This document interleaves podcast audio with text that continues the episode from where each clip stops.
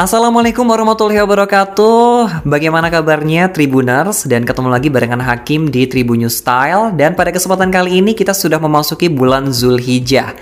Nah ada beberapa anjuran di bulan Zulhijjah. Salah satunya adalah berpuasa di 10 hari awal bulan Zulhijjah. Lalu kira-kira keutamaannya itu apa aja? Hakim bakal jelasin kepada teman-teman semuanya.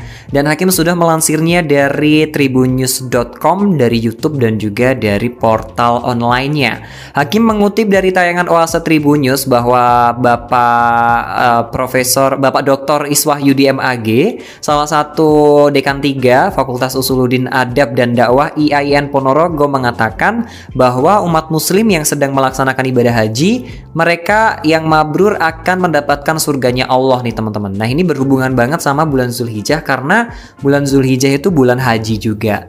Sementara itu buat umat muslim yang tidak melaksanakan ibadah haji, bedahnya itu akan dilipat gandakan di hari atau di bulan tersebut. Nah, keutamaan lain ya dari bulan Zulhijjah itu adalah melaksanakan puasa di bulan Zulhijjah, maka dosanya akan diampuni oleh Allah Subhanahu wa taala dan dibebaskan dari api neraka. Maka dari itu pada bulan Zulhijjah disunahkan untuk memperbanyak ibadah seperti berpuasa, sholat, sedekah, dan membaca Al-Quran. Kemudian puasa Zulhijjah itu juga dikerjakan antara tanggal 1 hingga 7 Zulhijjah ya teman-teman. Kalau menurut kalender itu tanggal 1 Zulhijjah itu jatuh pada 30 Juni, tapi ada juga yang mengatakan 1 Juli. Selain itu juga menyebutkan kalau puasa Zulhijjah itu juga antara 1 sampai 9 Zulhijjah. Kalau setahu aku sih 10 hari sebelum 10 hari pertama di bulan Zulhijjah berarti sebelum 10 Zulhijjah ya, sebelum kita menunaikan ya hari raya Idul Kurban. Hakim melansir dari Babel Kemenak Bangka Belitung, Kementerian Bang, Kementerian Agama Bangka Belitung Dikatakan kalau bulan Zulhijjah itu memiliki banyak keutamaan ya Selain yang Hakim sebutin tadi diampuni dosa-dosanya Ada lagi nih ya Pada tanggal 1 Zulhijjah itu Allah bakal mengampuni Nabi Adam, ya Allah mengampuni Nabi Adam alaihissalam di Arafah, maka yang berpuasa di hari itu akan diampuni dosa-dosanya. Terus yang kedua, itu tanggal 2 Zulhijjah, itu Allah bakal mengabulkan doa Nabi Yunus alaihissalam dan mengeluarkannya dari perut ikan Nun. Maka orang yang berpuasa di hari itu sama seperti beribadah dan berpuasa satu tahun tanpa maksiat.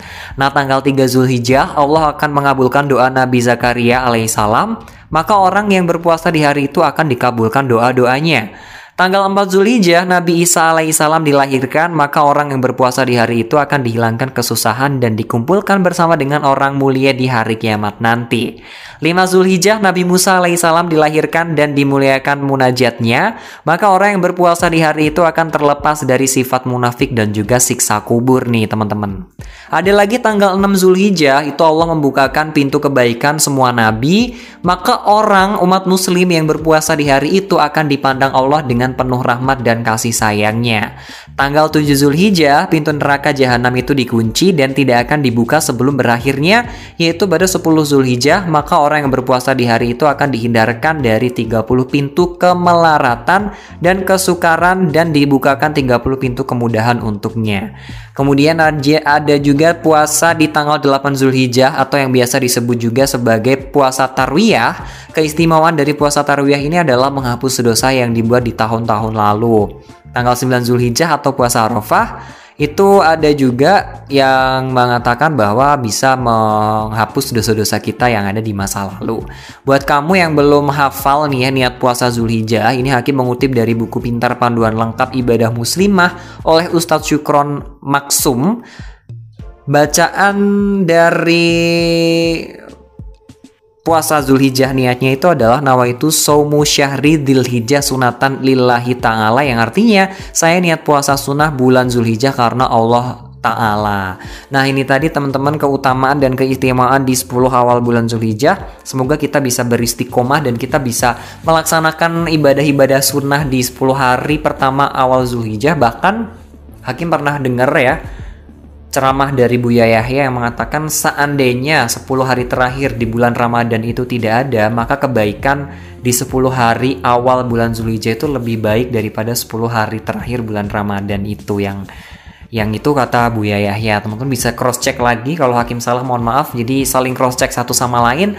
Thank you for the time. Semoga bermanfaat dan selamat beribadah sunnah bulan Zulhijjah. Hakim pamit sampai jumpa di Tribun News Style berikutnya. Wassalamualaikum warahmatullahi wabarakatuh.